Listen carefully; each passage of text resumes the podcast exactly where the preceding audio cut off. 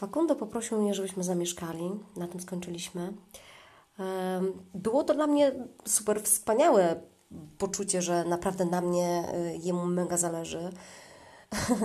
Ale co się, słuchajcie, roi w głowie młodej dziewczyny, on był ode mnie starszy o 5 lat, która jest bidna jak, y, naprawdę jak mysz. On jest zamożny, y, ma wszystko, generalnie na wiele rzeczy go stać. Mnie stać na rzeczy szalenie podstawowe, no i rzeczywiście moją odskocznią i podkreślać będę zawsze, zawsze były y, kupowanie książek, płyt, to jest coś, co absolutnie kocham od zawsze. Na to głównie przeznaczałam pieniądze oraz na wyjście do, do jakichś nowych miejsc, do kosztowania, do próbowania. To zawsze, to zawsze naprawdę uwielbiałam, ale nie miałam absolutnie żadnych oszczędności.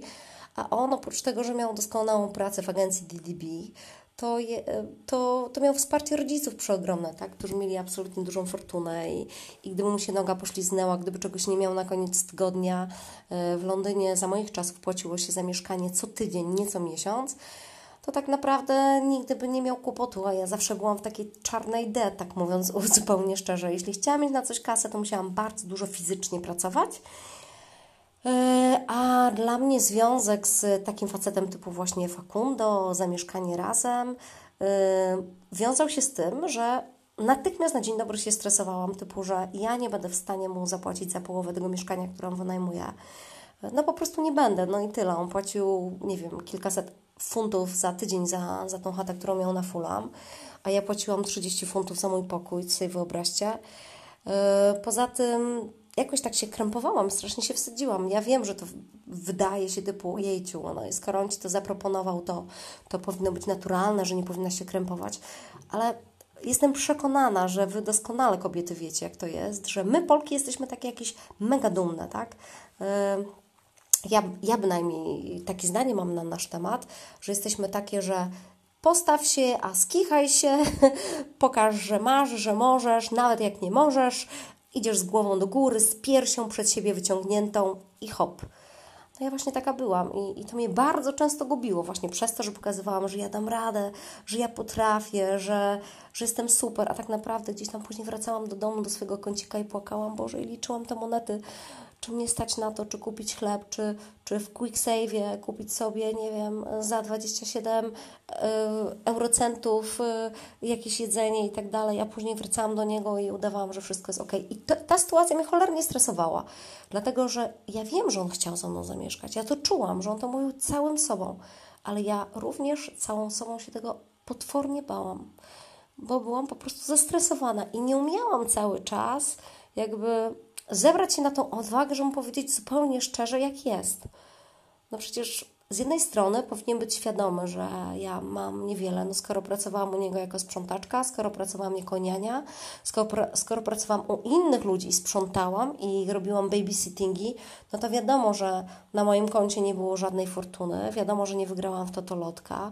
E, skoro widział mnie w dość skromnych rzeczach, second handów albo y, rzeczach, które były gdzieś tam kupione w jakichś skromniejszych sklepach, no to też przecież wiedział, że nie chodzę do sklepów typu Harrods i nie kupuję sobie drogich rzeczy, tylko po prostu jestem, no nie wiem, no skromną dziewczyną y, i, właściwie, i właściwie tyle. Um, więc nie umiałam podjąć tej decyzji. Powiem Wam uczciwie, że jak on mnie o to zapytał, to na drugi dzień e, starałam się bardzo unikać tego tematu i potraktowałam to jako uniesienie, uniesienie miłosne. I przez kilka kolejnych tygodni, jak się spotykaliśmy, to cały czas główkowałam, co mu powiedzieć. On się dopytywał, cały czas się spotykaliśmy, regularnie, regularnie się spotykaliśmy. On do mnie dzwonił w trakcie pracy na mój domowy numer, czasami tam, gdzie ja pracowałam. E, staraliśmy się widywać z kilka razy w tygodniu. On do mnie przyjeżdżał, bo ja mieszkałam zupełnie w innej lokalizacji. Mieszkałam wtedy na Camden Town gdzie mieszkałam, zresztą to jest bardzo fajna historia z takim polskim Żydem, który miał ogromne mieszkanie kilkupokojowe i jeden pokój wynajął mi, żeby mogła u niego mieszkać w zamian, oczywiście za w miarę symboliczną opłatę, to było właśnie wtedy 30 funtów i za to, żeby co niedzielę, słuchajcie, gotować mu rosół. To był e, polski Żyd, który po polsku nie mówił, mówił już tylko po angielsku, ale z jego dziecięcych czasów zapamiętał właśnie smak rosołu. I jak ja byłam u niego na spotkaniu w sprawie wynajęcia mieszkania, to on powiedział: podobasz mi się dziewczyno, jak będziesz mi gotowała co niedzielę rosół, to naprawdę za małe pieniądze możesz u mnie mieszkać. I, i miałam wspaniały pokój. Naprawdę byłam z niego bardzo zadowolona. E, oprócz tego w tym mieszkaniu jeszcze miała pewna, mieszkała pewna Japonka. E, a to mieszkanie generalnie było, słuchajcie, bardzo zagracone, bardzo, skromne, albo, ale bardzo duże. Wspaniałej lokalizacji w Camden Town, gdzie na pieszo miałam absolutnie wszędzie super blisko. E, bezpośrednio autobusem potrafiłam pojechać, prak praktycznie przejechać przez cały Londyn. Ale dlaczego, o tym mówię? Bo jak Fakundo mnie poprosił, żebym u niego zamieszkała, w tym jego pięknym, pachnącym mieszkaniu na Fulham Road, to Y, a ja mieszkałam na Camden, więc generalnie to też była dobra dzielnica, tylko taka bardzo mocno undergroundowa, zresztą do tej pory jest, niepotrzebnie mówię w czasie przeszłym, y, to ja się po prostu tak strasznie krępowałam, jak on miał do mnie przyjść. Pamiętam ten pierwszy raz, kiedy Fakundo się zapowiedział, powiedział: Słuchaj, Justyna, ty przychodzisz do mnie tyle razy, ale ja też bym chciał wiedzieć, gdzie ty mieszkasz i tak dalej. Wyobraźcie sobie, ja miałam tak ogromny stres, ja tak to przeżywałam, ja tak nie wiedziałam, co zrobić z tym mieszkaniem. No cholera, czy ściany pomalować, czy je zeskrobać, czy je odnowić, czy nowe meble, nowe meble dać. Bo moje mieszkanie, wynajęte mieszkanie, właściwie wynajęty pokój, w którym mieszkał stary Żyd, on miał, David miał 83 lata, mieszkała Japonka, też studentka. E, jeden pokój był zawsze zamknięty na 7 spustów, Później się dowiecie z czasem dlaczego. E, była mega duża, zagracona, ale bardzo czysta kuchnia, bo ja to wszystko super posprzątałam. No ja się tak trochę krępowałam, żeby on tam do mnie przyszedł. Taki piękny, przystojny, pachnący, elegancki, w Armani y, garniturze do tego mojego właśnie mieszkania. I, I, pewnego pięknego dnia, jakby wiesz, ja, ja mu cały czas odmawiałam, odmawiałam, wyszukiwałam jakichś tam powodów, że nie. E, ale pewnego dnia był po prostu absolutnie nieugięty.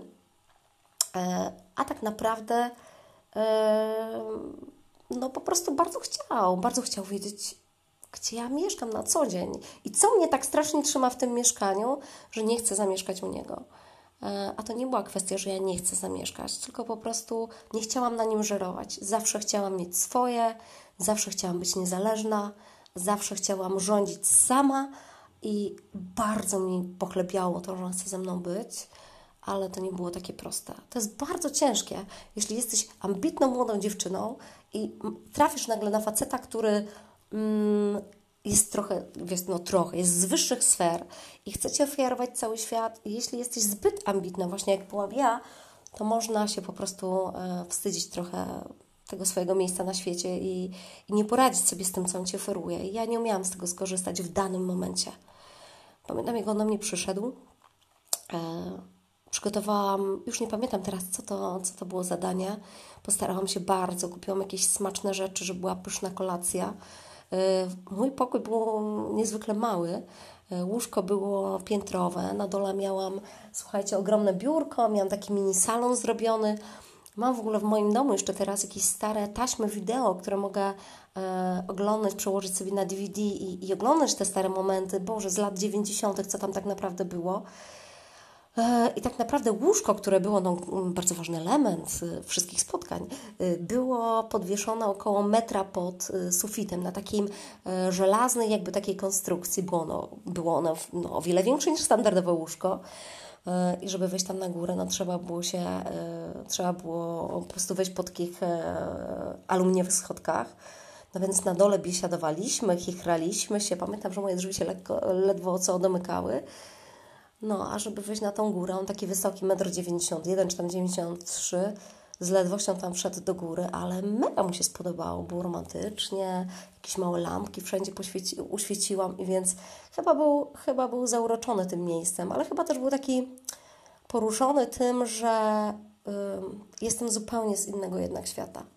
Jednak, że to mieszkanie było takie skromne, że, y, że żyję w takich, a nie innych warunkach, że nagle jak leżeliśmy sobie na łóżku, nie, nie, nie było wtedy seksu. Leżeliśmy sobie, wspominaliśmy sobie różne rzeczy z naszej przeszłości. Zapukał do pokoju David, którego on w ogóle znał historię i wiedział, że ja mieszkam u tego Davida, ale nie znał jego osobiście. I jak zapukał właśnie David um, do pokoju i mnie zawołał Justin, Justin, e, no to oczywiście zeszliśmy tam na dół do niego i on do niego po angielsku, płynną angielszczyzną powiedział, słuchaj, Justyna tego ratuje, najlepszy rosół na świecie. On był taki wtedy dumny. On mówi, słuchaj, trzymaj się tej Justyny, bo to jest wspaniała kobieta. Ona naprawdę będzie o Ciebie dbała.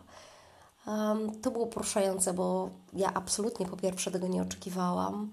Po drugie, pierwszy raz w życiu usłyszałam, że tak Davidowi smakuje mój rosół. E, po trzecie, miałam wrażenie, że zachował się trochę jak mój dziadek, który chciał zadbać o przyszłość swojej wnuczki. Takie było moje wrażenie. I bardzo, bardzo byłam wtedy poruszona. E, tej nocy nie było seksu, tej nocy nie było nie wiadomo jakiej tam jazdy, było tylko zwykłe przytulanie i wiedziałam, że byłam jego całym światem.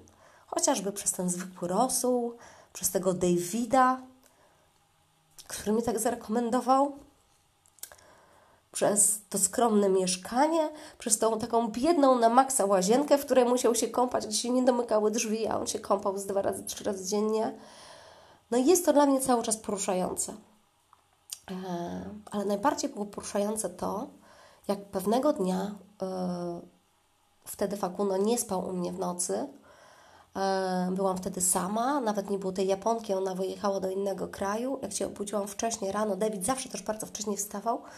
Jak się obudziłam, miałam iść na godzinę dziewiątą do pracy. Ja wtedy cały czas w Londynie byłam jeszcze nielegalnie, jeszcze nie byliśmy w Unii Europejskiej więc każda kontrola w mieszkaniu była ogromnym stresem lub kontrola w ogóle um, home office. I pamiętam, szłam do pracy właśnie na dziewiątą i była godzina około 8.30. Ja miałam bardzo blisko tą moją pracę. Chodziłam te, wtedy jako niania na, niania na dziewiątą do pracy na, yy, do dzielnicy praktycznie obok. I zawsze miałam zwyczaj rano żegnać się z Davidem. Zawsze miałam zwyczaj powiedzieć mu Bye David, I will see you later on, zobaczę Ciebie później, uh, I will finish my work at five, kończę moją e, pracę o piątej, see you later. Jakby meldowałam mu się, nie musiałam, ale chciałam to robić. I tego dnia pukałam do niego do drzwi bardzo, bardzo długo. I nikt mi nie odpowiadał. David zawsze prosił, żeby nie wchodzić do niego do pokoju. Um, ale w momencie, gdy pukałam już przez pół godziny do niego do drzwi i nie mogłam się dostać, po raz pierwszy złamałam zasadę i popchnęłam do jego drzwi, bo byłam zaniepokojona, dlaczego nie otwiera. I był tego ku temu powód, bo yy, tego właśnie poranka David już się nie obudził. A co dla mnie to oznaczało? Opuszczenie tego mieszkania, stratę przyjaciela, i narażenie się na home office.